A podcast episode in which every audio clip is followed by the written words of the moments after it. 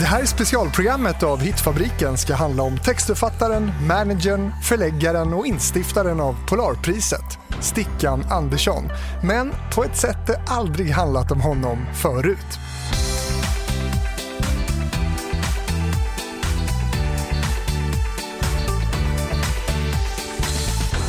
I den här serien program hör du barn till kända musiker välja ut deras favoritlåtar med sin förälder.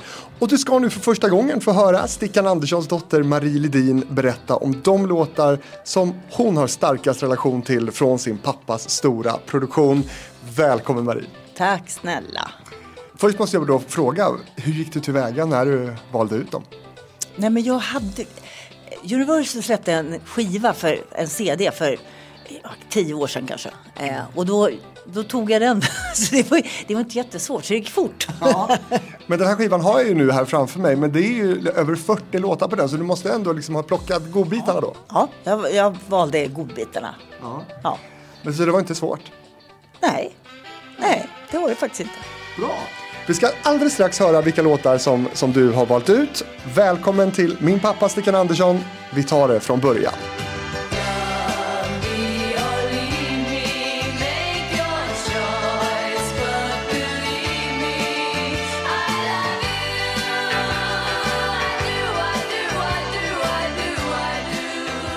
Stickan Andersson växte upp i ett litet hus vid torget i Hova i Västergötland. Han växte upp under knappa, utsatta förhållanden som oäkta son till en ensamstående mamma. Han började tidigt med små affärsverksamheter. Bland annat hade han hand om kiosken på idrottsplatsen i Hova. Du borde köpa dig en troller han fick redan som femåring en grammofon och sex inspelningar. Och i tonåren en gitarr av sin mamma och började uppträda med visor och deltog i lokalrevyer. I tonåren började han skriva låtar. 1951 fick han sin första låt publicerad samtidigt som han utbildade sig till folkskollärare.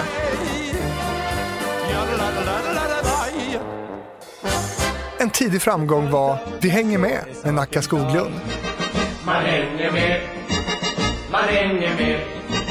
Av någon anledning så gör man faktiskt det. Hans stora genombrott som kompositör kom 1959 då han skrev låten Är du kär i mig ännu, Klas-Göran? som Lill-Babs framförde första gången i Hylands hörna samma år. Låten blev listetta och sålde guld i alla nordiska länder. Låt oss återkomma till just den. Det hänger med, det hänger med. Stickan Andersson var en centralgestalt i det svenska musikundret och sägs under sin livstid ha skrivit över 3000 sångtexter. Ja, ni kan vara övertygade om det.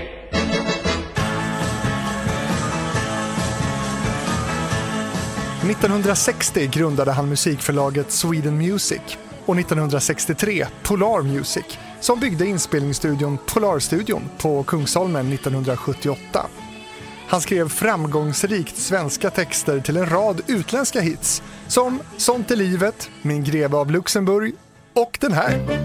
Som en boll kommer jag tillbaks till dig Som en boll kommer jag tillbaks till dig yeah, Ibland skrev han under pseudonym, bland annat under namnet Stig Grossner. Hans stora produktion av låtar gav hans verksamhet namnet Schlagerfabriken av kritikerna något som Stickan inte hade något problem med. Han svarade med citat som Folk vill inte ha låtar om ensamma mammor och krig och sånt. Och Visst, jag skriver mycket skit men det är åtminstone bra betalt.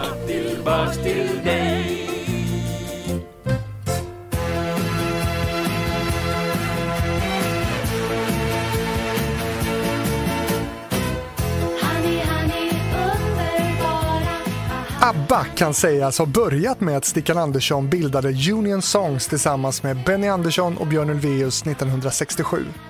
Gruppen fick sitt internationella genombrott då de vann Eurovision Song Contest 1974. ABBA kunde då dra stor fördel av det internationella nätverk som Stickan Andersson byggt upp redan sedan 60-talet och gruppen firade stora internationella framgångar. Under 70-talet kom Stickan Andersson även att signa Ted Gärdestad och Lena Andersson.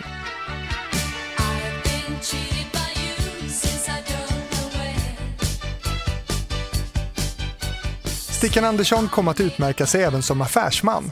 Den börsnoterade refrängsångaren blev titeln på en bok om honom 1983. De pengar som Polar drog in på ABBA investerades i företagsköp och Polar Music utsågs till Sveriges mest lönsamma företag. År 1989 då sålde han sin musikförlagsverksamhet till Polygram för 189 miljoner kronor.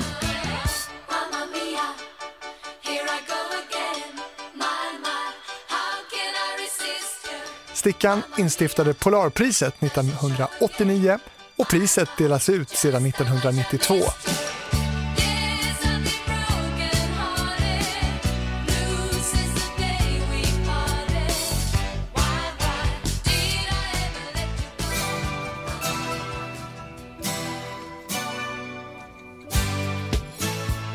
Den form av musik som ABBA spelade ansågs kontroversiell i dåtidens kulturradikala kretsar i Sverige. Där det fanns en utbredd misstro mot kommersiell pop. I slutet av 1980-talet uppstod dessutom en konflikt om ersättningar mellan Stickan Andersson och ABBA gällande album som producerats på 70-talet. Musikförläggaren Stickan Andersson är död. Han dog tidigt i eftermiddags i en hjärtinfarkt. Stickan Andersson var pappa till många I september 1997 avled Stickan Andersson i sviterna av en hjärtinfarkt, 66 år gammal. Han hade svåra alkoholproblem i slutet av hans liv.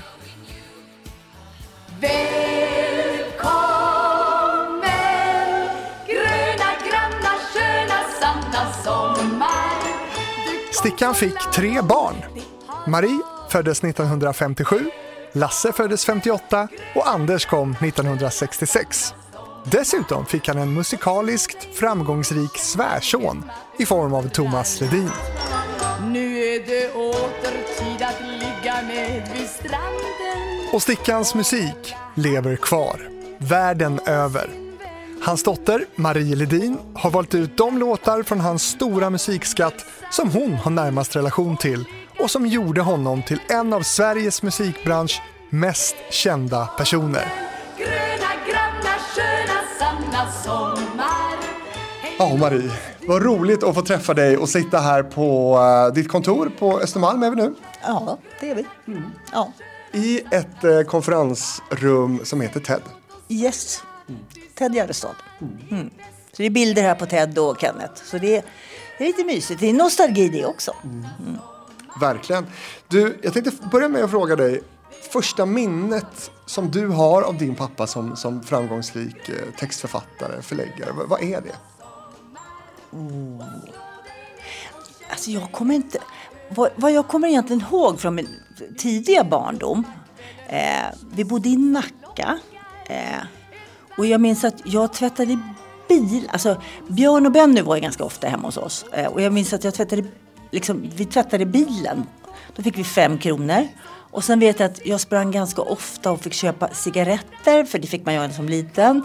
Eh, och kanske glass nere på kiosken, det var jättenära. Eh, och supplier då dem, för de satt väl och rökte och drack kaffe och alkohol, är min gissning.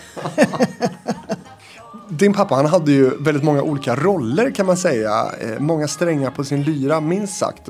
Vilken var den mest utmärkande skulle du säga? Alltså, Som jag kommer ihåg när jag var liten, alltså, eller ganska liten. Eh, det, de kom hem klockan fem, var pappa från kontoret. Och då åt vi middag. Eh, och sen stängde han in sig i sitt arbetsrum. Och det kommer jag till och med ihåg från det var ännu mindre, när vi bodde i Tullinge. För då skulle han skriva texter. Eh, och då skulle vi vara tysta. Så mamma fick säga till mig och Lasse då, eh, min brorsa, att Nej, men nu får ni vara tysta för pappa jobbar. Eh, det kommer jag ganska väl ihåg. Det är lite svårt när man är barn väl? Ja, det var, det var nog svårt. Han kanske inte gick in där förrän vid sju, men liksom, vi såg, jag kommer inte ihåg när vi gick och oss, men åtta, jag, jag har ingen aning. Men, nej, ja, nej, men det är svårt. Ibland var det väl svårt eftersom jag tror Lasse och jag bråkar rätt mycket om jag inte missminner mig. Eh, det gör man ju som syskon. Mm. Mm. Ja, det är ganska vanligt, normalt kan man säga. Men, men den här, okay, så han hade liksom en sån kvällsprocess. Blev det mycket texter just skrivna på kvällarna alltså? Ja, Alla texter skrevs på kvällarna. Mm. Eh, ja, han kunde skriva, så vitt jag minns, han kunde skriva fyra texter på en kväll. Eh, så att, ja, han jobbade ihärdigt. Mm. Känner du dig som inspiration själv någon gång? Nej. Nej, jag såg nog mest bara slitet. Alltså det var, det var slitsamt. Och så var han uppe väldigt tidigt på morgonen. Eh, för att han, eh, han sprang, han joggade på morgonen. Eller åkte skidor på vintern. Eh, och jag var ganska, när jag var så här 13-14 så var jag ganska bra på att springa själv. Så jag tränade rätt mycket. Eh, och då vet jag att jag utmanade honom så här. Han hade en runda på typ 3 kilometer på morgonen. Eh, och jag tänkte att det kommer jag ju ta honom hur lätt som helst. Men det gjorde jag inte.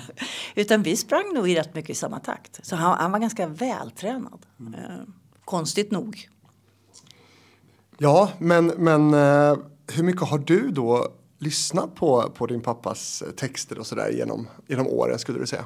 Massvis. Alltså, på söndagar så var det ju heligt för då var det Svensktoppen. Och då, då skulle vi vara inte tysta, men liksom, då, skulle, då spelade han jättehögt på radion, eh, P3. Eh, och så skulle vi lyssna och så satt han och räknade, räknade ut hur många låtar han hade. Så, att, nej, så det var liksom, eh, nej, jag har lyssnat jättemycket, jättemycket. Hur mycket lyssnar du på Svensktoppen idag? Om jag sitter i bilen. Mm. Men det är inte så att jag sätter på det. Eh, sådär det är väl elva på söndagar fortfarande antar jag. Men eh, nej, nej. Alltså jag har inte. Jag gillar ju radio men jag, jag lyssnar på radio på sommaren. All, nästan aldrig på vintern. Mm. Så jag är tråkig. Eh, för jag tycker det är kul att lyssna på radio och jag tycker man får jättemycket nyheter. Och nu är, numera är det mer P1 kanske än vad det är. I alla fall P3. Men, men eh, Nej, och P4 är jag just ganska stort fan av också. Mm. Och sen lyssnar jag på kommersiell radio. Speciellt skärgårds... Vad heter den då? Skärgårdsradion. Eh, mm. Precis. Det älskar jag på sommaren. Det är för att du bor i skärgården då? Ja, ja, ja precis. Ja. Mm. Men du, nu när vi ska lyssna på de här låtarna som du har valt ut då ändå med, med, med din pappa. Kommer vi få en annan bild tror du? Av honom än vad liksom, gemene man har? Det vet jag inte. Alltså, gemene man tror jag inte ens en gång kommer ihåg vem man var. så att, eh, tror du inte? Nej, det, inte i någon högre utsträckning i alla fall. Eh, alltså det är vi som är äldre som kommer ihåg honom. För att han var, han skrev ju typ 3000 texter. Mm. Han var ju gigantisk på Svensktoppen. Eh, så att på det sättet så var han ju betydelsefull på ja, framförallt 60-talet. Mm. Men sen blev det ju på 70-talet blev det ju ABBA. Mm. Så då tog ju det över så då skrev han inte så mycket texter. Han skrev ju en del texter till, eh, till ABBA men eh, det blev liksom mer och mer business mm. på 70-talet. Och vi ska återkomma till ABBA men, men eh, tror du att han har haft synpunkter på, på låtarna som du har valt ut? Nej, det tror jag inte. Jag vet några. Den första som vi har valt. Den var han väldigt stolt över. Så att, eh, nej, Nej, han skulle nog gilla urvalet, det tror jag. Men ska vi börja då kanske? Ja. ja. Eh, och vi ska eh, börja lyssna på de här låtarna som du då har, har starkast relation till. Och vi kommer hålla oss mellan 50 och 70-tal i det här programmet kan man säga. Och vi ska börja ganska så finstämt försiktigt med en låt som Monica Zetterlund spelade in i slutet av 60-talet. Innan jag är riktigt vaken står han lutad över sängen säger hej. Och så dricker vi vårt kaffe sedan barnen gått till skolan och jag månat mig. Och han tar min hand och kramar den skrattar när han ser hur trött jag är. Och så ler han då han kysser mig till avsked innan det till jobbet bär. Gröna små äpplen, Monica Zetterlund från 1969. Varför börjar vi här Marie? Nej, men det här var en text som pappa var jättestolt över. Eh, han, och han gillade Monikas eh, inspelning. Han var, eh, han var väldigt stolt över, över den här. Gud gjorde ej gröna små äpplen Det finns inga hav och finns inga öar i så fall Då leker inga barn tafatt Då finns det inga glada skratt Då är solen kall Gud gjorde gröna små äpplen Det finns inga berg och finns inga sjöar Nej, tro mig på mitt ord Om inte det är kärlek så Då finns det ingen sån att få på denna jord Den heter ju Little Green Apples i original, eh, amerikanskt. Eh, för det var så oftast han jobbade. Han, han köpte in låtar från typ hela världen. Eh, och så gjorde han de svenska översättningarna. Eh, men det här är en väldigt fin text. Alltså en som han fortfarande ska vara stolt över tycker jag. Ja. Och på Svensktoppen så, så var det dock Jan Malmsjös inspelning eh, på singel från 1968 som testades. Och den låg på listan i bara en vecka, 1968 i december. Men veckan därpå var den dock utslagen. Det är lite förvånande ändå. Väldigt förvånande. Och jag visste inte ens att Jan Malmsjö hade gjort den. Ingen aning. Alltså, för mig är det här Monica Zetterlund. Och, och jag tycker att hon gör den är fantastiskt. Hon sjunger liksom väldigt innerligt och hjärtligt och väldigt... Eh, hon har en väldig inlevelse i texten. Gud gjorde gröna små äpplen Det finns inga hav, det finns inga öar i så fall Nej, jag gillar den här tycker jag är jättebra. Just den här versionen också. Monica har ju den här skirheten också i rösten som är väldigt vacker. Ja, jättevacker. Hon, är, hon var en otroligt begåvad sångerska. Vi ska säga då att det gick bättre för originalet, den- det engelska originalet eh, och originalartisten O.C. Smith som nådde andra plats på Billboardlistan med den här eh, låten så att, i original då. Så, att, så att, eh, jag vet inte varför svensktalspubliken var så kräsna. Nej, men det är ju så ibland. Men du, den här låten den har en väldigt eh, romantisk text kan man säga. Är, det signifikativt för, för din pappa? Att vara romantisk? Nej, det, det tror jag inte att jag skulle säga. Jag tycker att det finns... Eh, nej, men han var ganska... Eh, han, han, han skrev om väldigt vitt skilda saker. Det kommer vi märka allt eftersom du spelar låtarna. Men, men eh, eh, det unika med Stickan det var ju hans enorma allmänbildning. Han var ju folkskollärare i grunden. Eh, så att han var väldigt, eh, han var väldigt bildad. Eh, och jag, nu blev det helt... Men jag minns att jag skulle lära mig, jag kommer inte ihåg om jag gick i trean kanske, jag skulle lära mig det här med deciliter och liter. Eh, och pappa var helt tokig. För jag kunde inte fatta att 10 deciliter var en liter. Och han, han höll på med vatten hemma i de här vet, decilitermåtten. Och, och, och liksom, ja men du bara räkna, du fattar väl att 10 stycken sådana här är en liter? Så här, Nej. Vad var det där? Var det rebelliskt av dig eller vadå? Nej, inte alls. Det var bara liksom att jag, jag fick inte in i mitt huvud det här med deciliter och liter. Och, eh, så att jag vet att pappa var jättefrustrerad. Men hur gammal var du då? Ja, där lär man sig det här. Tre och nio kanske. Ja. Men det har satt sig sedan dess. Ja, nu sitter det faktiskt. Ja. Eh, Och vi ska gå vidare Marie till, till nästa låt då. Och nu blir det en riktig discoklassiker från 70-talet. Ett av pophistoriens mest kända intron. Du har valt Dancing Queen som är en av dina favoritlåtar från Pappa Stickans katalog.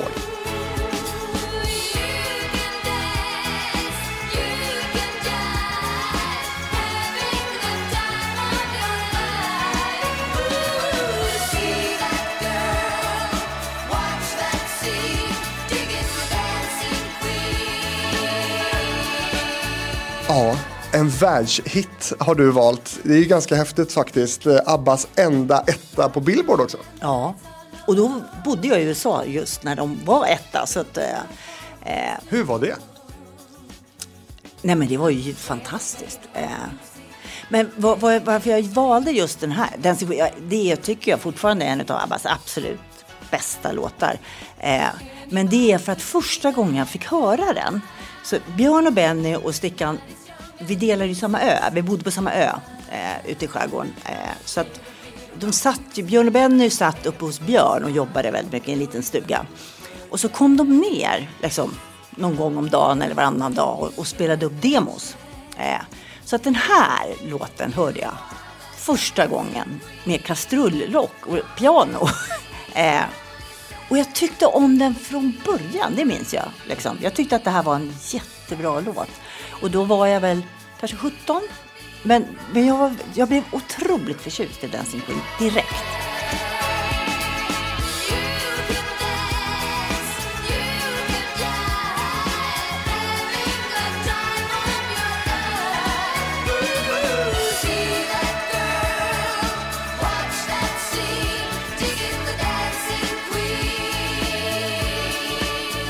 liksom bara kände att det här, det här är en riktigt bra låt. Eh, de har gjort många, många fler. Men, men, nej, men Dancing Queen, så det, det, är liksom...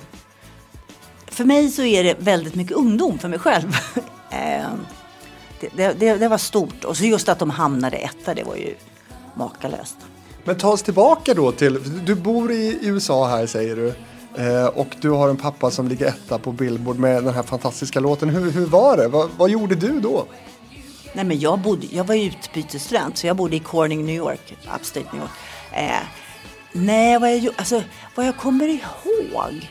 Alltså jag tror, är ganska säker. ABBA var över till New York. De kom, när, när de låg etta då så kom de över och så gjorde vi de gjorde Saturday Night Live om jag inte missminner mig. Eh, som är då en direktsänd, eh, ett direktsänd program från eh, Broadway. Eh, och jag minns bara jag tror att det är den gången i alla fall. Det är, vi är ute och äter. Alltså vi, ja, det är de naturligtvis och så är vi några fler. Eh, och så är vi någonstans i Little Italy i New York. Eh, och så ska vi gå därifrån och då, då kommer vaktmästaren och säger så här, nej men ni får absolut inte gå ut på gatan för det här är jättefarliga kvarter.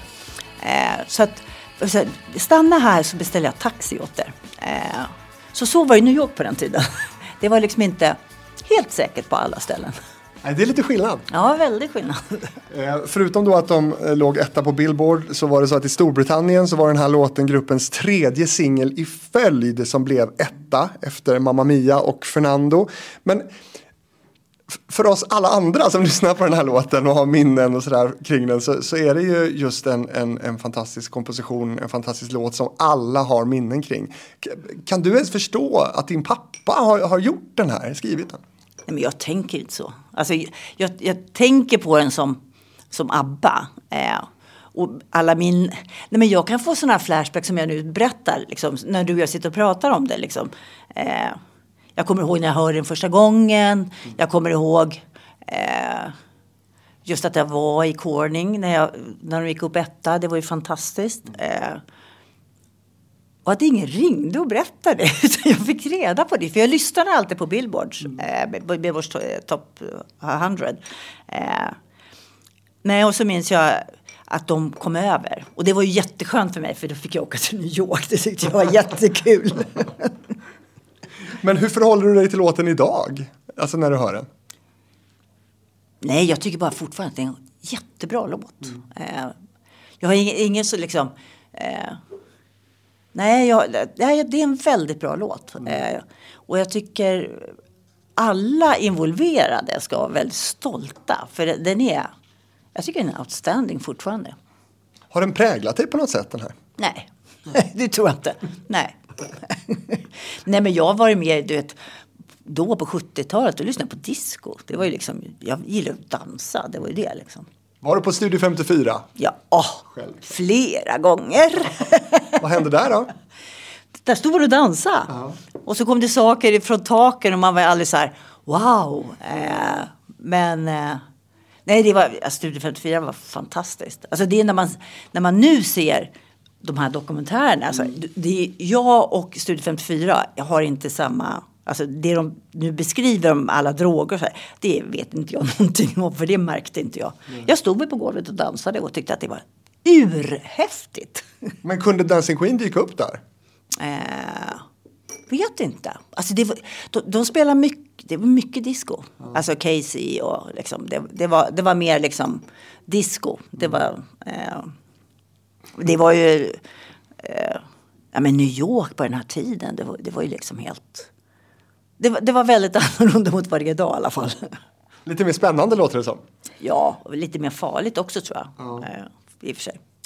Anne Fridlingstad, hon berättade i boken ABBA, människorna och musiken 96 om den här låten att, att Dancing Queen är min favorit bland ABBA-låtarna. Jag minns att Benny kom hem med ett band som bakgrunden var inspelad på och spelade för mig. Jag tyckte att den var så fantastiskt vacker att jag började gråta, har hon sagt. Eh, vad har du för, för kontakt med abborna idag? Eh, jag har kontakt med Björn Ulvaeus eh, och med Frida. Mm vi ses när vi kan. Eh, ja, jag träffar ju Benny också. På Ica faktiskt. eh, Agneta har jag inte sett på ett tag.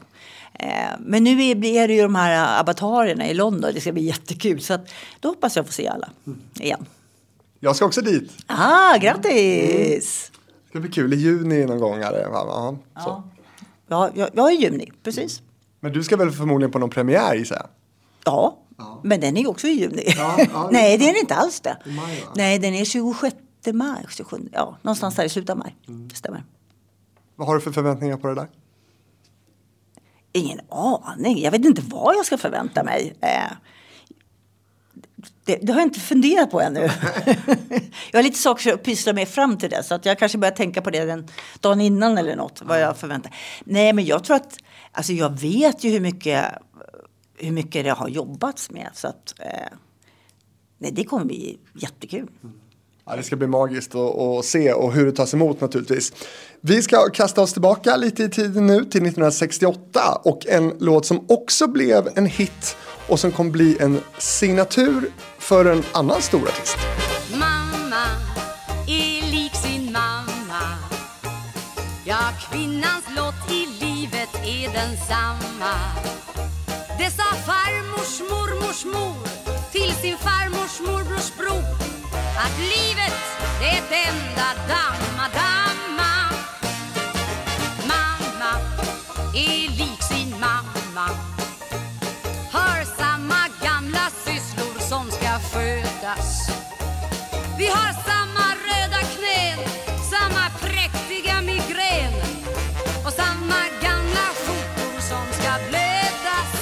Sadie the Cleaning Lady på engelska, Mamma är lik sin mamma med Siw Malmkvist från 1968. Ja, den fick många namn den här låten. Frauen sin doch nur Frauen på tyska till exempel. Och Siv spelade också in den här på danska, Mor är som hennes mor var. Och um, vad har du för minnen kring den här låten? Ja, du skrattar åt min danska nu eller? ja, lite. Nej men eh... Nej men det här tyckte jag, det, det, var ju liksom, det här är 1968 som du säger alltså 1968, det är liksom början. Kvinnorörelsen börjar bli ganska, växa sig ganska stark. Eh, jag tycker också det här är en jäkla rolig text. Mamma är lik sin mamma Vi städar och vi skurar och vi fejar Dammar av och sköter karl Hänger tvätt och snyter barn och skurar, dammar, städar, diskar, fejar. Och, alltså, vad är vi, 2022? Jag kan känna igen mig tyvärr. Ja, vad säger det? Ja, det, det, säger, ja, det vet ju. Ja, det säger väl liksom att... Eh, jag vet, jag vet, jo, det är klart det har hänt massor, massor, massor, massor. Men, men det här man fejar och städar och gud vad man håller på. och det är liksom... Ja, jag vet inte om det har blivit så mycket bättre tyvärr. Nej, jo, det har det ju, men... men eh, eh. man slipper kanske ligga på knä i alla fall. Ja, precis. Det gjorde ju Sivan. Jag får mig, det fanns en video på den där. Eh, när hon ligger på knä i, i sån här, ja, lite chalett och, eh, och städar. Men i tunnelbanan va? Är det tunnelbana? Ja. Före sin tid, 1968. Men det här känns verkligen som en oldie-låt som, som lever kvar ändå. Eh, mm. och, och så. Hur, hur känd är den idag? Nej, men jag kan tänka mig att den här kan spelas på mors dag. Alltså, eh, lite så. Eh. Nej, och jag tycker också eh, Siw Malmkvist gör en... Hon sjunger så bra. Hon är liksom... Det är en väldig inlevelse och liksom... Hon tar i när hon ska ta i. Och, eh, Alltså det, det är fortfarande en inspelning som håller sig. Och det är ju ändå, vad det nu är, 40 år sedan typ. Eh, Och Sivan är liksom still going strong. Ja, hon är fantastisk. Är helt enastående. Jag såg henne på, eh, på Grand Hotel tror jag det var, eh, i Stockholm. Och man är så här helt fascinerad. Vilken människa! Hon är makalös. Mm. Jag håller med. Och för dig som eh, vill höra mer av Siw Malmkvist kan man scrolla ner i det här flödet. För jag har gjort ett helt avsnitt med, med Siv också. Om hennes digra, långa karriär. Eh, men den här låten, jag tänker också att den här eh, Mamma är lik sin mamma är väldigt så allsång på Skansen-kompatibel va? Ja, det borde den kanske vara. Mm. Jag har inte, jag har inte hört den där på Skansen. Nej, men det, man kan ju ta upp det kanske med redaktionen. Som önskemål, den, den borde höras där. Ja, med Siw Malmkvist helst. Ja, ja. Såklart. Ja. Då, då lämnar vi 60-talet och backar tillbaka faktiskt ännu mer till en låt som Stickan själv står som artist på, vilket kanske inte tillhörde vanligheterna. En låt då som släpptes redan 1951. Vi skriver lördagskväll och Tivets flickans cell har vandrat ut från mörka skogen. Åt alla hörn och håll det gått som en paroll på lördag är det dans på logen. Och med en tacksam smäll att det är lördagskväll slår kolaren igen sin koja. För när som det är dans i trakten någonstans då vill han vara med och skoja. Tivedshambo med Stickan från 51 alltså. Ja, raska klackar slår när Tivedshambon går, Marie. ja, nej men det här var ju början av hans karriär. Han skrev den här och spelade in den. Han gjorde Grädde på moset. Han gjorde flera stycken. Men det här var hans start på hans karriär. Eh, och han tog kontakt med, väldigt modigt, eh, med eh, Olrog som då var chef på radion. Eh, och Olrog skrev ett jättefint brev tillbaka som jag har ramat in. Som tyvärr så ser man inte längre vad Olrog svarade. Eller, men det resulterade i att eh, pappa började läsa dikter. För det skrev Olrog. Du ska, du ska läsa mycket. För då lär du hur man skriver texter. Eh, så det gjorde han. Så vi hade otroligt mycket diktsamlingar hemma. Eh, som, som pappa då läste. För att, för att få in, antar jag, liksom, det här med vers, refräng och liksom hur, man, ja, hur man skriver en text helt enkelt. Eh, så att det här är starten på, på hans karriär kan man säga. Till styrkan och till våra knogar Hör raska klackar slå när Tivets sambo går Av Fridas Werner blir galen En splätter Tivets bor i hambodansens klor Och Werner jagar landsfiskalen och blir det gräl och kiv så avgörs det med kniv för här är rena vilda västern till vardag och till fest är rappersnuset bäst Kom hit så bär vi bort orkestern så, så vi har mycket litteraturen och, och diktsamlingar att, att, tacka för allt det som han sen spottade ur sig? Absolut, men det tror jag nästan alla som skriver texter läser mycket. Eh, man lär ju sig väldigt mycket genom att läsa. Viktigt att läsa. Bra för fantasin också när jag hör Tivets Hambo så, så tänker jag ju på att eh, här förstår man kanske varför Björn och Benny och Stickan fann varandra. Benny kan säkert ha skrivit en hambo, det kan jag faktiskt tänka mig. Eh, eh, men Benny är ju uppvuxen med dragspel framförallt. Till vardag och till fest är rappesnuset bäst. Kom hit så bär vi bort orkestern. Men pappa kommer från Hova nere i Västergötland. Och Tiveden är ju en del. Eh, eller Hova är en del av Tiveden. Så att jag tror att den här texten var viktig för honom också. Att han fick skriva om sin hembygd. I vilka sammanhang har den här spelats då, den här låten? Som jag kommer ihåg det, jag tror pappa spelar den på gitarr mycket hemma. Alltså, eller mycket och mycket, men, men liksom. Det var väl en av få låtar han kunde liksom. Han, spe, han, han var ju gitarrist. Han, han turnerade ju i folkparkerna. Eh, med Acke Karlsson och Minimal Åström. Eh, så när jag var riktigt liten, det är egentligen ingenting jag kommer ihåg, men, men eh, då, då var han ute på turné på helgerna. Så han spelade fredag kväll, lördag och sen hem söndag då. Eh, och för det köpte han, eller för det, han köpte så här PV du vet sån här helgonetbil. Mm. Vad heter de? P, P 1800? Ja. ja. Eh. Och man kunde ju max vara två personer så jag fattar inte hur de fick plats med gitarrerna och vad de nu skulle ha. Nej men så åkte de runt i i Sverige och tjänar väl pengar, mm. är min gissning. Då måste jag bara fråga, för jag blir lite fundersam här, hur närvarande var han som pappa skulle du säga? jag tror inte han var så närvarande faktiskt. Eh, nej, det var ju mamma som tog hand om oss. Absolut. Mm. Det var det. Har, har, det. har det märkt dig på något sätt? Nej, men jag... Alltså jag började ju... Pappa var... Ja, ja. Nej, men jag åkte ju med till Medem, det var, alltså som är musikmässa nere i Cannes. Då var jag 15. Han var väldigt bra på att ta in en i, liksom, i jobbet. Och sen när jag var liten, eftersom de jobbade mycket på helger. Mamma jobbade ju också på kontoret. Eh, så vet jag att på helgerna var vi ofta på kontoret. Jag gillar det här med gem och gummisnoddar. Och, så att, eh, stämplar ja, kanske? Ja, det var jättekul med stämplar. Eh, så att Eh, jag har nog inte farit illa av att det liksom så smått började så. Eh, nej, så. Och jag är ju egentligen... Alltså vi hade ju så himla... När jag började att jobba på Sweden och Polar så... Alltså det var, vi hade ju så himla roligt. För det var ju liksom ett ganska ungt gäng. Eh, och vi umgicks ju liksom dygnet runt typ. Mm. Eh, eller nästan i alla fall. Så på helgerna så då gick vi till Arvid Nordqvist och köpte eh, rostbiff med potatissallad. Och så stängde vi av telefon. Där, jag jobbar ju på somrarna. Eh, så att stickan inte skulle kunna ringa in utan det, allting verkade upptaget. Eh, och så satt vi och käkade lunch. Så gick vi alltid hem till någon.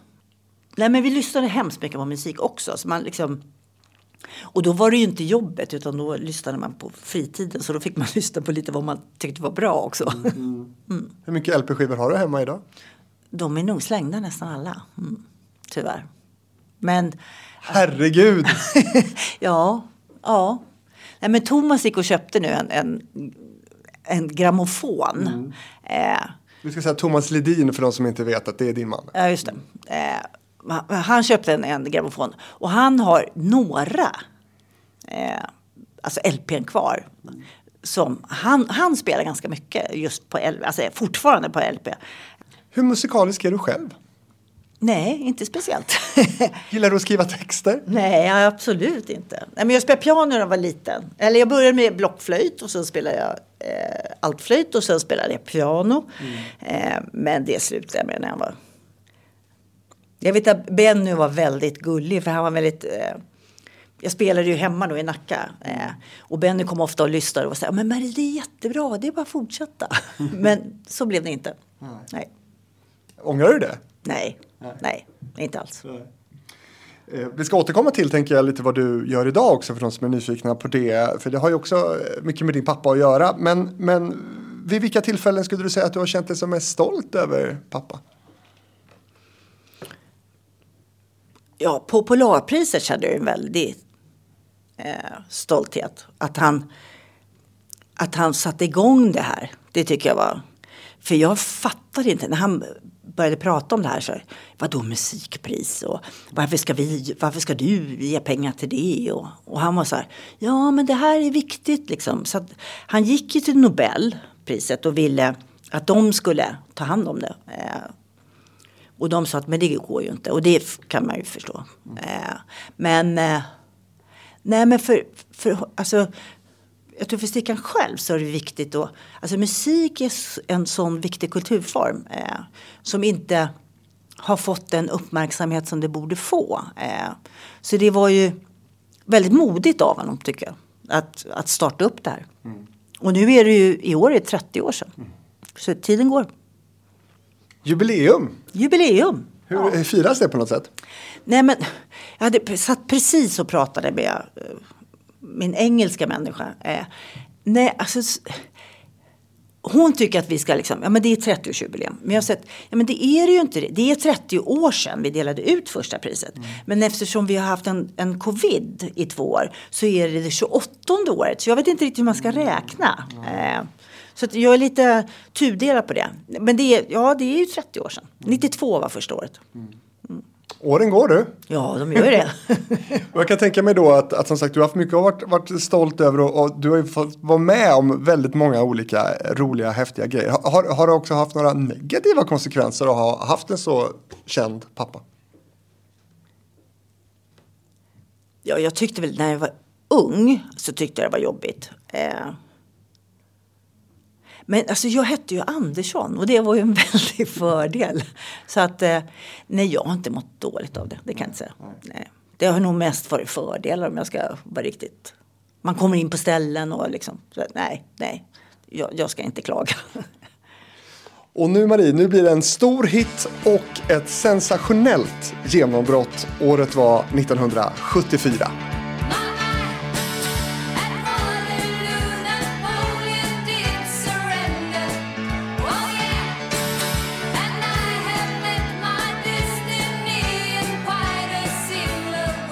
En tidig demoinspelning av den här låten hade arbetsnamnet Honey Pie, men det blev sedermera då eh, Waterloo som, som alla nu vet. Eh, en låt som kommer att bli enormt stor för ABBA, men också kommer att bli nästan som en signaturmelodi för hela Eurovision Song Contest som de vann då Sveriges första vinst i den tävlingen 1974 i Brighton. Och i samband med att Eurovision Song Contest eh, firade 50 år 2005 så framröstades just Waterloo av de europeiska tv-tittarna som den bästa Eurovision-låten under tävlingens 51 eh, år. Stort ju.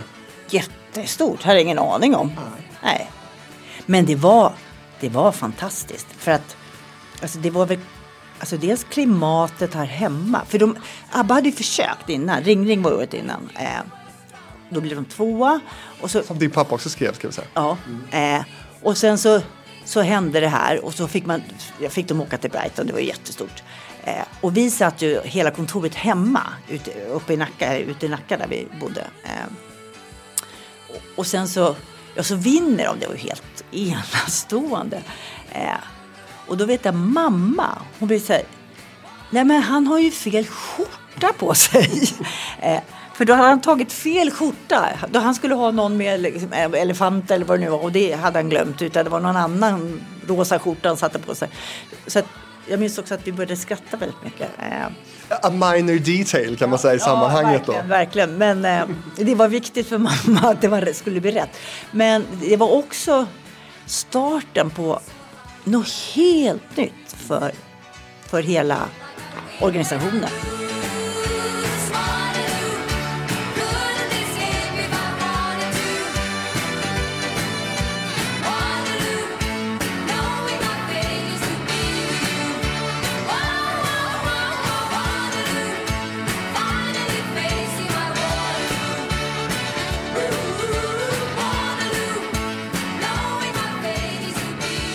Det var, Stickan hade ju då åkt runt Europa innan liksom, och sålt in den här låten. Både som förlag och, och som skivbolag. Så att, eh, det var så organiserat. Så det var liksom bara att trycka på en knapp. Så på måndagen då, då pressades liksom skivor över hela, hela Europa. Eh, och det unika var också att eh, han jobbade med olika förlag och olika skivbolag i olika länder. Så det var liksom ett virvar utav mastrar och filmtejper då som skulle ut så liksom när nästa uppföljare skulle komma. Så, men det var, det var en otroligt rolig tid. Eh, och det blev ju liksom, ja det, det, nej, det var jättekul. Mm. Det var jättekul. Och, och, du beskriver det som en, liksom en stor organisation kring det här. Hur många var ni som, som jobbade då? Ja, det var 10 kanske, nej 15 kanske vi var. Nej, det var inte så många. Eh, men Görel Hanser, eh, hon var ju otroligt organiserad. Eh, så att hon la ut så småningom, då la hon ut på mattan i, i stora rummet, i konferensrummet på kontoret. Liksom Argentina, Brasilien, Chile, Danmark, Finland. Och där så hade de skrivit lappar så här. De ska ha det här, de ska ha det här. Så att, då, då var det bara liksom att man, man la ut det efter varje land och så packade man ihop det och så kom de och hämta. Mm. För det skulle flygas ut då. Eh, det var ju väldigt, om man ser hur saker och ting går till idag. Men, men eh, nej men det gjorde ju också att vi fick telex. Det var liksom något helt nytt. Eh, det var ju för sig mamma väldigt bra på. Hon var väldigt intresserad av nya tekniker och sådär. Så, att vi, vi hade väldigt mycket hjälp av teknik på den tiden. Eh, och Görel hade ju en, en IBM-maskin som skrev alla avtal automatiskt. Det var liksom bara så här, wow! Eh, så att, eh, nej men det var en jätterolig tid. Det var det verkligen och en start på någonting. Och Waterloo ska vi också säga var inte Abbas självklara val för Melodifestivalen det här året. För eh, eh de hade en tid där de också valde mellan Waterloo och Hasta Manana. Men bestämde sig då slutligen för att framföra den här förstnämnda, vilket då var eh, ganska lyckat kan man säga. Du var själv 17 år eh, när den här släpptes. Vem var du då? Oh, herregud. Ja du. Jag sprang väl ute på eh, helgerna.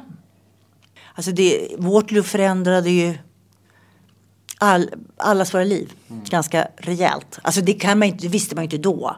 För man förstod ju inte att det skulle komma en fortsättning. Men, men det var omtumlande att, att de vann. Men, men hur förändrade det ditt liv kan du säga rent konkret? Liksom? Nej men det gjorde väl egentligen att jag började jobba. Eh, så småningom. Eh, jag åkte till USA som jag sa. Ett år. Eh, och sen så kom jag tillbaka och, och, slut, och gick på Chateau ett och ett halvt år. Eh, och sen började jag jobba, då var jag kanske 20. Eh, och det var, det var ju väldigt kul. Jag tror att det, på det sättet, jag ville vara en del, jag förstod att jag ville ha en del utav det här som hände. Mm. Eh, för det var ju, nej det var himla kul. Men, men hur kunde du då som dotter skilja liksom på pappa kollegan och, och pappa pappa? Liksom? Det tror jag Stickan var rätt bra på. Mm. Eh, nej men jag började på ekonomiavdelningen. Mm. Eh, eh, så att jag jobbade där kanske ett år innan jag började på skivavdelningen. Eller på grammofonavdelningen. Eh, så att, eh, och sen var, jag kände inte Alltså jag, jag hade arbetskamrater som var väldigt schyssta. De, var liksom inte elaka och de var inte... De stöttade mig så mycket de kunde. Så det, det var... Jag har bara upplevt en otroligt positiv, eh, rolig erfaren, arbetslivserfarenhet. Mm. Vi hade kul. Mm. Du, efter vinsten i Brighton med Waterloo eh, så intervjuades din pappa i tv eh, i ett nyhetsprogram tror jag det var och fick då, var det Rapport? Mm, det var Rapport. Mm. Och fick då frågan varför han skrivit då en text eh, om ett slag där tiotusentals människor dog. Mm. Eh, då svarade din pappa att den där frågan var väldigt cyniskt ställd och att Waterloo används då i, i, symbolisk mening i texten. Minns du det här? Alltså? Ja, jag minns det. Mm. Eh. Det blev lite rabalder kring det där. Ja, ja pappa var ju tokig. Mm. Eh, liksom, här har Sverige gått och vunnit den första Eurovisionsfestivalen någonsin. Och så och så svar, frågar Rapport, det här är deras första fråga. Och det, det är Stickan och Frida som blir intervjuade. Och man ser på Frida också, jag har tittat på det här klippet efteråt. Eh, som blir, de blir helt perplexa. Vad, vad, vad frågar han? Eh, det är inte alls att gratulera eller... Men så, så, var det ju på den tiden också. Alltså, SVT var ju tokiga för då, de insåg ju att de skulle organisera mm. nästa års Eurovisionsschlagerfestival. Och det var ju ingen lek. Det kostade ju pengar och det var mycket folk. Alltså, ja. Så att det var väl... Ja. Det var så på den tiden, 1974. Kom man över det där någon gång? Ja, ja, ja. ja. Herregud, han, det har varit fler dumma frågor. Men, ja, ja, det är klart han kom över. Det var, det var väl inte... Men det var liksom, jag vet att vi pratade mycket om det. Alltså att vi, vi inte riktigt förstod. Liksom. Och vi ska alldeles strax lämna ABBA nu tänker jag för, till förmån för andra låtar. Men, men visst blev det ju också, ska vi nämna också, det blev ju något gruff där mellan Björn och Benny och Stickan när det handlar om rättigheter va, till, till låtarna. Nej, det var inte rättigheter. Det var i korthet så att eh, vi hade en diskussion inom familjen. Eh, hur, hur ska fortsättningen se ut? Och jag och mina bröder, jag har två bröder, vi sa att nej men vi tycker att Sälj det, för du kan, du vet ju vad det är värt. Det kan ju inte vi. Och vi, det var ingen av oss som ville ta hand om det här. Eh, och då så fick han erbjudande från ett skivbolag. Och du vet att han pratade med Björn och Benny. Eh, och Benny var så här, nej, jag tycker inte du ska sälja. Eh, och sen kom det ett, ett, offer he couldn't refuse som det heter. Eh, så då sålde han. Och då vet jag att eh, ja, framförallt Benny blev väldigt besviken. Eh, jag kan säga så här 40 år senare att det var väl en himla tur för att det jobbet som Universal, Polygram som köpte, har gjort för ABBA har ju varit enastående. Alltså inte nog, Björn och Benny har varit fantastiska också men, men naturligtvis. Men, men eh, Universal har verkligen, de har varit ett jättebra skivbolag och förlag för ABBA och tagit hand om hela katalogen. Så att eh, jag kan tycka att han gjorde helt rätt, absolut. Precis, det har ju gått, det har ju runnit mycket vatten under broarna nu för det här var ju länge sedan. Men, men hur infekterat var det här? Eh, jo men det var nog ganska infekterat. Alltså, eh, pappa var ledsen för att, eh, för att det störde Björn och Benny. Eh, ja, så han, han, han, tog ju väldigt illa vid sig. Eh, och sen var det mycket spekulation i tidningarna som det alltid är när, när någonting sånt här händer. Eh, men eh, det är som det är. Mm. Ja. Man, man, det är ju så här, det är vatten rinner under broarna och saker och ting förändras allt eftersom. Så att, eh, nej, inga hard feelings säger jag. Ingen osämja idag? Nej, nej, nej. nej. nej, nej. Eh, Waterloo alltså har vi pratat om. Följer du Melodifestivalen idag förresten? Det gör jag inte. Det gör jag inte. Inte alls faktiskt. Aha. Nej. Varför då? Jättetråkigt program, får jag säga så? eh, ja.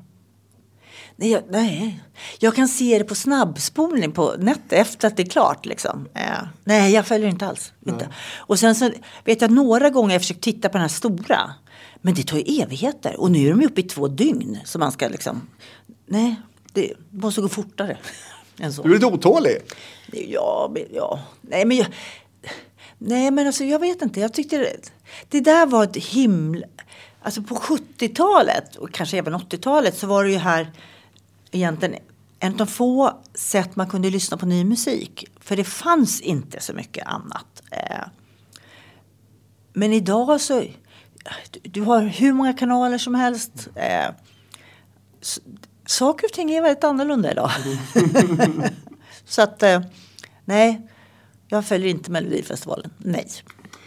Nu ska vi tillbaka till 60-talet och en låt om livet och så mycket falskhet som finns här. Sånt är livet, sånt är livet Så mycket falskhet bor här Den man förlorar vinner en annan Så håll i vännen som du har kär You can have her som den hette på engelska med Roy Hamilton. En låt som även Elvis Presley uppträtt med. Sånt är livet, Anita Lindblom från 61. Varför valde du den här?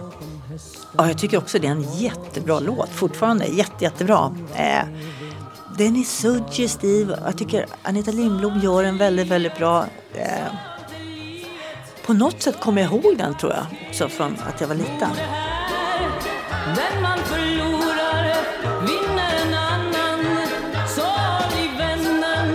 Som du har kär är en bra låt fortfarande.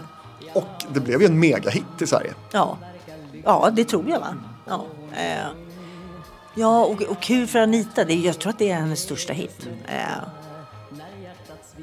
Nej, jag vet att vi skrev det i, i dödsannonsen när pappa dog så här. Eh, du vet man skriver något så här. Då, då skrev vi så här, sånt i livet. Eh, det var nog, den var väldigt viktig för pappa också. Naturligtvis. Hur märktes det? Nej men det var ju liksom, det var ju på hans väg. Eh, uppåt. Eh, så det var viktigt att få liksom stora hits naturligtvis. Eh, så att jag tror, jag kan inte komma ihåg att han liksom var jättestolt över just den här texten. Men, men, eh, men jag tycker att det är en bra låt, bra text. Eh, Anita Lindblom gör den jättebra. Eh, och det den här texten har tycker jag framförallt det är ju igenkänningen. ja, så, ja, absolut. Alla kan relatera till den här texten. ja, det kanske man kan. Nej, ja, men, jo, men den är liksom allmängiltig. Mm. Mm. Inte så romantisk som vi pratade om för en stund sedan. Men du, den här svenska texten då som Stickan skrev, han skrev den under pseudonym.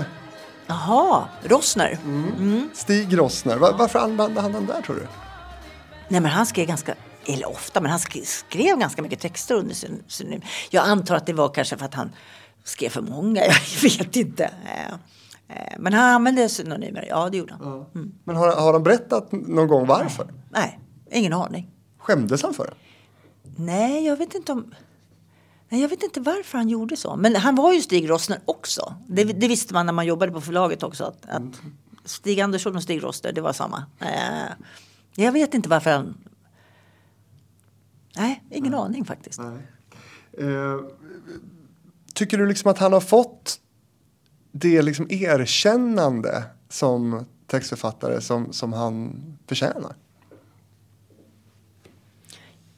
Ja, ja, det tror jag väl han fick. Han fick ju någon Grammy för, för sina texter. Det tror jag faktiskt var Grön som äpplen när jag tänker efter. Eh, ja, det tror jag. Alltså han skrev ju så ofantligt många. Så det är väldigt svårt. Alltså jag har valt ut tio. Eh, han skrev ju mycket skit också. Det, det, det, och det stack han aldrig under stol med heller. Eh, så att det var nog Alltså vissa texter tog en kvart och vissa texter tog flera dagar. Det liksom, eh, så att, ja. Men, Men sånt är livet. sånt är livet. Men den här produktiviteten då? Vad, vad, vad är det som gjorde att han, han skrev så otroligt mycket? Tusentals texter? Nej men så här i efterhand, alltså så här 40 år senare.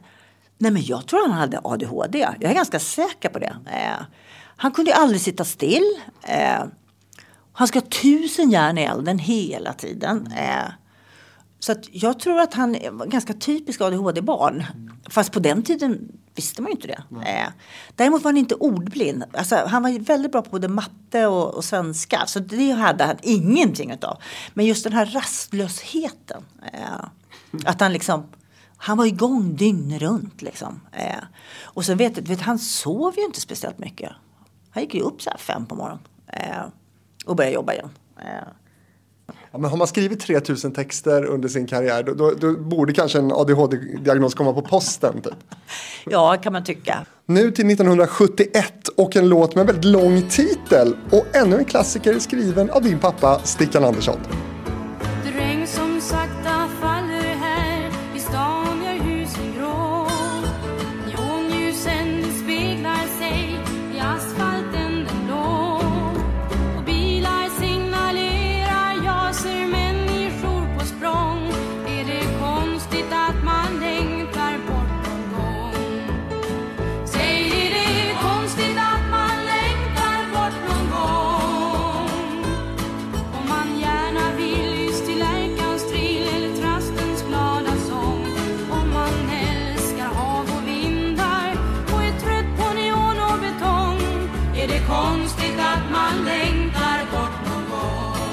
I'm gonna be a country girl again som den hette på engelska. Är det konstigt att man längtar bort någon gång med Lena Andersson från 71? Han hittade ju verkligen en formel för att eh, översätta engelska texter till svenska och få stora hits. Det, han har blivit väldigt framgångsrik med det receptet. Ja, han, det var ju det han gjorde. Han, han lärde sig förlagsbranschen eh, via en belgisk förläggare. Eh, och, då fick han lära sig det här med att man, man köper enstaka låtar. Så han reste mycket på till USA. Eh, och köpte alltså, ja, låtar. Som man då, och så kom han väl på så småningom att ja men det är ju ingen som kan skriva alla de här texterna. Ja, han måste ju skriva texter, liksom, svenska texter för att det här ska funka. Eh, och var, jag tror att det var så det började. Eh, och då skrev han svenska texter och då kunde han liksom inte det var ju ingen som hade den kapaciteten att skriva i det här tempot. Så att, då tyckte han väl att det är lika bra att göra det själv. Mm. Det var enklast. Det var enklast, det gick fortast i alla fall. Eh, så att, eh, eh, Varför gör man inte det idag? Nej men det funkar, musikbranschen är inte sån idag alls. Alltså Svensktoppen är ju originallåtar idag. Det, översättningar förekommer ju inte. Men det är också hela musik. Alltså om du, du, du lyssnar ju hellre på ett original amerikanskt men det fanns ju inte på den tiden. Alltså, det fanns ju inga radioprogram. Det är obegripligt för unga lyssnare, men det fanns ju inte. Det är som när man berättar för sina barn att det inte fanns tecknat förutom på julafton. Mm. Och de tror man skämtar. Mm. Men, men det var ju så. Mm. Eh, det, det fann, alltså radio var inte på samma sätt. Eh, så att det, det, var väldigt viktigt där med att man översatte så man fick fick höra bra låtar. Eh, och varför valde du just den här då? Är det konstigt att man längtar bort någon gång? Jag kunde ha valt Säg det med en sång. Och det borde jag egentligen valt. För det är Björn och Benny och Stickans, en av de första låtarna som de gör tillsammans. Eh, förutom några till. Men eh, nej, är det, det här var ju Lena Anderssons stora, stora genombrott. Eh, och Lena var ju en del utav Polarfamiljen. Eh, så att Stickan kontrakterade henne då på Polar. Så att, eh, hon, hon var ung, hon var 15 år när hon slog igenom. Så att, eh, och numera tror jag att hon bor i USA. Så att liksom, hon har också gått en lång väg. mm. ja, vad har du för kontakt med henne? Nej, men jag hörde att hon, att hon har flyttat till USA och är gift i någonstans i Midwest. Eh, men det var en himla gullig tjej. Mm. Halmstad. Lena Andersson där alltså. Och du jobbar ju i allra högsta grad idag i pappas fotspår kan man väl säga. Va, va, berätta, vad är det som du gör? Ja, men jag har hand om Polarpriset. Så att, eh, jag, eh, jag ser till att pristagare kommer till Stockholm. Att vi gör ett program när de är här. Eh, att vi gör hyllningar till eh, pristagarna. Eh, ja, allting som egentligen har med priset att göra. Mm. Jätteroligt jobb. Och nu har vi ju stängt ner i två år. Mm. Så nu äntligen får vi köra igen. Så det, det ska bli jättekul. Vad sitter du och jobbar med liksom just nu? Just nu gör jag itinerary som det heter. Alltså jag gör eh, när pristagarna kommer in, eh, vilka flighter, jag bokar flighter och allting. Så nu sitter jag och gör Sitter du själv med det alltså? Ja. ja. Eh, så nu gör jag scheman för varje pristagare. Och det är jättebra för att nu är jag ganska tidigt ute i år. Eh, för då, då hittar jag glappen. Liksom. Ja men här har jag kollat det här. Så att, eh, ja. ja. Jag gjorde faktiskt Iggy Pops. Gjorde jag precis nu. Eh, men han kommer bara in och ut så det, det var inte så svårt. Men, nej men det är ju många människor som kommer in. Mm. Har du pratat med Iggy om det här? Om jag pratar med? Ja, jag träffade Iggy i, i december. Mm. Hur skulle du säga liksom att, att, vad har det här priset för, för status eh, idag då, 30 år senare? Otrolig skillnad måste jag säga. Alltså jag började jobba kanske för 12 år sedan eller något. Eh, och då tyckte jag att när jag fick mejla så här. Ja, hej, jag heter Marie Ledin och jag är vd för Polarpriset och det är. Eh, men nu när jag mejlar så, så vet nästan alla vad det är. I den klassiska världen så har det varit känt mycket längre. Men, men även i, i eh, popbranschen. Mm. Eh, Vad beror det på då? Nej, men jag tror att pri, våra pristagare är jättebra ambassadörer. Eh, och de, skulle jag säga, alla har älskat att få ta emot priset. Mm. Eh, och jag vet, jag, jag pratade med Sting, för han hade också så här, jag har inga förväntningar. Eh, han var helt tagen liksom. Alltså vilken mat, vilka uppträdanden. Det här är verkligen en hyllning till mig. Han, han var jätte, jättestolt. Och, och det känner nästan alla pristagare. Att de, behöver liksom, de tar emot priset utav kungen. Eh, men sen kan de sitta ner och, och liksom höra sina låtar tolkas som någon annan. Alltså de tycker att det är... Och jag tycker också det. Alltså, jag, alltså Metallica då när de fick... Eh, alltså de, var ju, de är så glada. De tycker det här är liksom och vilken kväll och liksom. Och, så, och, och där är svenskarna fantastiska. Alltså, eh, och kungafamiljen. Eh, alla känner sig väldigt hemma. Alltså alla pristagare är väldigt nervösa först. För att, åh vad ska jag säga och hur ska jag prata med kungen och drottningen och kronprinsessan. Men eh, alltså, de, de, är så naturliga så det går, det går rätt fort det där. Och sen, det är ju liksom en... Eh, Ja, men det är lite det är öl och det är snaps och det är också jättemånga är bara så här, menar du att du ska dricka allting på en gång? Så här, ja, men du kan häll vatten om du inte vill liksom. Eh, om du vill låtsas bara. Eh, men de är så fascinerade över vad vi håller på med. med liksom, att vi sjunger och dricker och har kul. Och, eh. Men låter inte... Alltså, är det typiskt svenskt menar du? Eller vadå? Ja. Alltså jag, jag jag ser lite som midsommarafton fast en, någon månad tidigare. Eh. Receptet är häll i dem snaps. Nej, receptet är att ha det väldigt... Eh, jag tror att vara ärlig, trevlig, eh, att inte hålla på med en massa bullshit. Liksom, eh, jag, jag, tror att vi är väldigt så här, väldigt öppna. Ja. Eh, och jag tycker vad vi försöker göra, alla som jobbar med det, det är liksom vi ska se till att pristagarna får den bästa dagen i sitt liv. Eh, och de är så oförberedda. Och, och det är det, jag älskar det. Liksom. De tycker liksom, vet, de går på röda mattan och så liksom, och folk står där och liksom hejar och liksom. Eh, nej men det, det är en enorm upplevelse det där. Alltså jag blir väldigt stolt själv när jag liksom förstår hur de eh, mm. de tycker det är häftigt. Det är häftigt, det är det verkligen. Det är viktigt med hospitality, men nu när du lägger upp det så här så vore det ju konstigt om de inte var nöjda. De får gå på röda mattan, de tar emot priser, massor med pengar, de får god mat, snaps, träffa kungligheter, få sina låtar tolkade. Det här är ju stora egon. Varför skulle de inte älska det här? Nej, men de gör ju det också. Ja. Så att, eh, nej, men jag tror att vi har hittat en ganska bra form. Mm. Eh, och det här med att eh, att de bara ska bli hyllade. Att de bara kan sätta sig. Liksom. Du behöver inte göra någonting. Liksom. Du, du, sitter och så bara lyssnar du. Det krävs inget av dig. Nej, eh, precis. Mm. Och, och det gör också att de är lite avslappnade och kan liksom. Ja, jag behöver inte göra något. Utan jag behöver bara lyssna. Nu tillbaka till 60-talet. Maria,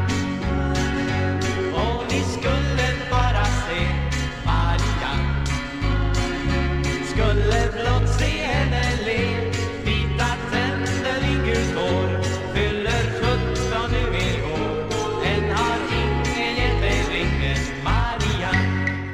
Marianne med Hootenanny Singers från 66. Eh, en utav sammanlagt 40 låtar på Svensktoppen för Hootenanny Singers. 18 veckor låg den här Marie. Varför har du valt den? Nej men jag, det, jag gillar den här låten. den är liksom ganska banal. Alltså jag tror Björn kanske... Nej, han, han, har en annan raring som inte han gillar. Eh, men den här är ganska så här... Den är lite catchy. Det är liksom... Eh, och Hotis Hotell Singers var väldigt, eh, alltså de, de, var väldigt mycket hemma hos oss också, eh, allihopa. Eh, så att det var, det var liksom början på en, på en era. Eh, och kontoret låg på Jungfrugatan. Eh, och där, Björn hade ett eget kontor faktiskt. Eh, det här var före Benny, så att det här är länge, länge sedan.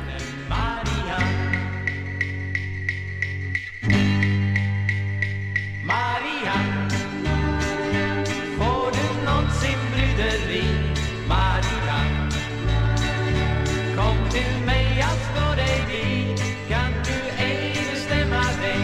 Kom och gift dig då med mig. Jag är bäste, känner prästen Maria, Maria. Maria, Maria.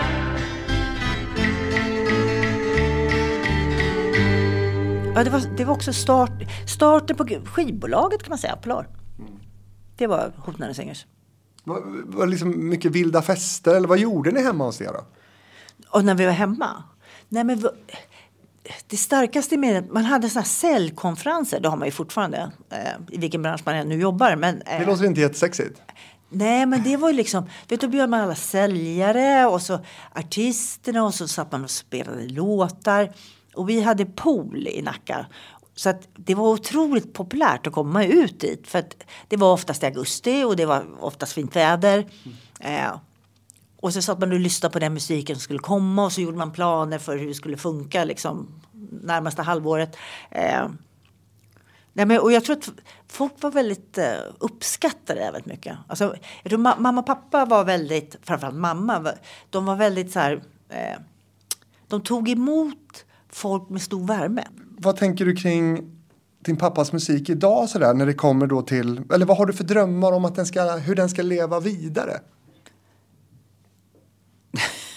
Nej, jag har nog inga drömmar om så. Alltså, du tror att alla har glömt honom? Ja, jag tror att de flesta har glömt honom. Nej, men det är ju de här, det, om man är nostalgisk och liksom gillar gamla låtar så, alltså just Svensktoppen och sådär, så, mm. så så spelar han ju en roll. Men, men det är ju så musik, det kommer och går. Mm. Men du låter väldigt onostalgisk nu. Men jag är nog ganska onostalgisk mm. i, i min läggning. Eh, ja, det tycker jag man ska vara i och för sig. Alltså, se tillbaka. Så här, det är jättekul att prata om gamla minnen men, men eh, allting har sin tid. Mm. Sånt är livet. Exakt. Du, eh, till en väldigt speciell låt nu eh, faktiskt. Nämligen en låt mellan pappa och dotter. Ett, två, ett, två. Mm. Ett, Då slutar vi. ett, två. Då slutar vi. Ett, två. Mm. Ett, två, ett, Ja, två. nu slutar vi det. Då börjar vi. Då jag till jobbet varje morgon går Två blåa ögon följer mina spår När jag är framme ringer telefon, vem är på trån? Pappa kom hem. När kommer du pappa? Hemma på kvällen har jag väldigt sjå Jag ska stå på huvudet, kullerbytta slå Armar och ben är möra som gelé, vad hjälper det? Pappa, rider Anka också? Pappa, pappa, är du det? Då vet du också hur det är Och fast han ingen krona bär En kung han är Ja, här vet ju jag. Eller jag tror att jag vet varför du har valt den här. Ja, men, det, Men berätta du. ja, nej, men det är jag och pappa. Eh, och jag var ganska liten. Jag tror jag kanske fem, kan, max sex. Eh, 62 släpptes den. Sl- Okej, jag var fem. Mm. Eh, nej, och jag, jag vet att pappa började med Lasse, eh, min yngre bror, för att han skulle spela in den. Men Lasse hade polyper. Så att han, man hörde liksom, han, han lät som Louis Armstrong som pappa sa. Så att det funkade inte. Och då var det min tur. Och, och, och jag, jag fattar ju inte liksom vad det här handlade om. Eh, vi satt hemma i hans arbetsrum och så satt han och kittlade mig för jag skulle skratta och så skulle jag säga heja, heja, friskt humör. Fem år, det var jättesvårt. Eh, och jag fick inte vara ute och leka. Eh, det här var en vinter och då ville man åka pulka och kälke och sådär. Eh, jag tror inte att det tog så lång tid, det kanske tog en vecka, max. Men jag upplevde som, gud jag skulle aldrig vilja... Alltså jag fattar ju inte att det var en inspelning och jag tror inte jag fattade när- liksom, när den kom heller. Eh, Har du fått några royalties från den här? eh, jag vet faktiskt inte. jag, jag tror kanske inte det. Nej, Du är blåst helt enkelt. jag är helt blåst. Helt. han är Lillan, Ja? Vilken tycker du är bäst i hela världen? Mamma! Eh, Låten heter i alla fall Baby Twist och eh, släpptes då med Lillan och Stickan Andersson. Kallades du Lillan? Ja. Mm. Jag kallades Lillan ända tills jag var... Alltså jag hette Lillan och min lillebror hette Bojan. Och det berodde på att jag inte kunde säga lillebror utan då blev det Bojan. Så Lillan och Bojan det var, det var jag och Lasse. Eh, eh, nej men jag var nog Lillan till vi flyttade från Tullinge till Nacka. Och då, då var jag så här, äntligen blev jag av med Lillan. Eh, Ja, för till slut är man ju inte liten längre. Nej, jag var ju inte lite, jag var i alla fall nio tror jag när jag flyttade till Nacka. Så att, då kände jag att, nej Marie, Marie får det bli hädanefter. Och nu har vi ju lärt känna dig lite grann här och vet ju hur onostalgisk du är. Men när, när du ändå hör den här låten, vad, vad, vad känner du? Nej, jag känner väl att, liksom att jag var fem år och inte fattade vad jag höll på med. Eh, Han bar ingen krona, men var han din kung? Ja, det, men mamma var ju liksom, mamma är bäst i hela världen. ja. Ja, Du är mammas tjej liksom. ja, jag är nog både och. Eh, Ja, alltså. Eh, ja, jag är nog pappas flicka till väldigt stor del. Eh, eh, men ma- mamma stod mig väldigt nära också. Hon, hon har också haft en, liksom en, en betydande del i allt det här låter det som nu när du pratar. Ja. Alltså pappa hade ju aldrig fixat det här utan mamma. Eh, aldrig någonsin. Eh, nej, och ma- mamma var ju också så här. Alltså, för då var det så här, de, skulle, de startade firma. Eh, och då så skulle ju mamma ta hand om ekonomin för någon var ju tvungen att göra det. Eh, och då berättade hon att då satt hon vid fönstret och då, och då såg så här. Du vet, in genom dörren, det betyder att pengarna kommer in och så flyger de ut genom fönstret och då går pengarna ut. Och jag var så här, men mamma så där kan det inte funka. Men det var så hon lärde sig. så att eh, eh, de lärde sig själva helt enkelt.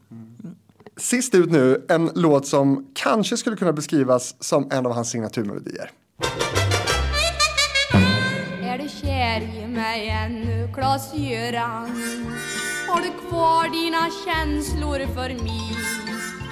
Jag går hemma på fäbon och väntar och jag har kvar mina känslor för dig. Varför skriver du aldrig Klas-Göran? Varför skriver du aldrig till mig? Vid din emigration till Amerika jag lov komma efter till dig. Men det är 15 år sedan som senast du skrev Så nu börjar jag gå och vänta på brev Du är väl kär i mig ännu, Klas-Göran? Ja, signaturmelodi sa jag. Är du benägen att hålla med? Ja, ja absolut. Den här var ju extremt viktig eh, för, för pappa. Absolut. Eh. Och det var väldigt kul med Barbro, alltså Lill-Babs. Eh. För hon var väldigt förtjust i Stickan och i mamma, eh, Gudrun. Eh. Och på senare år så återknöt vi kontakten, jag och Barbro. Så, det, så Barbro betyder mycket för mig också. Eh, hon är en väldigt fantastisk människa. Eh, och väldigt varm och öppen och generös och fantastisk. Och man förstod inte hur hon orkade. Eh, så att Nej, men hon skulle fylla 80 så hon skulle ha en stor fest då. Och, och man vet ju så här, hon blev väl 500 och lokalen var ju liksom för 100 kanske. men... Eh, ja, hur blev det? Nej, men hon dog ju. Hon åkte in på sjukhus precis innan. Mm, jättesorgligt. Eh, men hon var en väldigt varmhjärtad människa. Eh, och fantastisk på så många sätt. Och både för henne och för Stickan så blev det, det, här, det här, den här låten var otroligt viktig för båda. Eh, ja, vad kom den att betyda då skulle du säga? Nej men det var ju Stickans liksom första stora hit. Eh, och då kände, jag har ingen aning, men alltså att ja men det här är vad jag ska syssla med. Eh, för det var ju också så att han var ju folkskollärare ute i Aspudden. Så att han jobbade ju på dagarna. Eh, och mamma var vävlarinna på kvällarna. Eh, så att det var liksom, det var ganska hårt liv. Och jag vet att mamma berättade att de löste korsord. Mina föräldrar älskade korsord. Eh, och då vann de 50 kronor i DN i, för korsordet. Och mamma sa att det betyder hur mycket som helst. 50 spänn, det var liksom... Eh, då klarade de den veckan. Eh, så att... Eh, eh nej, så det betydde nog väldigt mycket att han, att, att han fick en sån här stor, stort genomslag.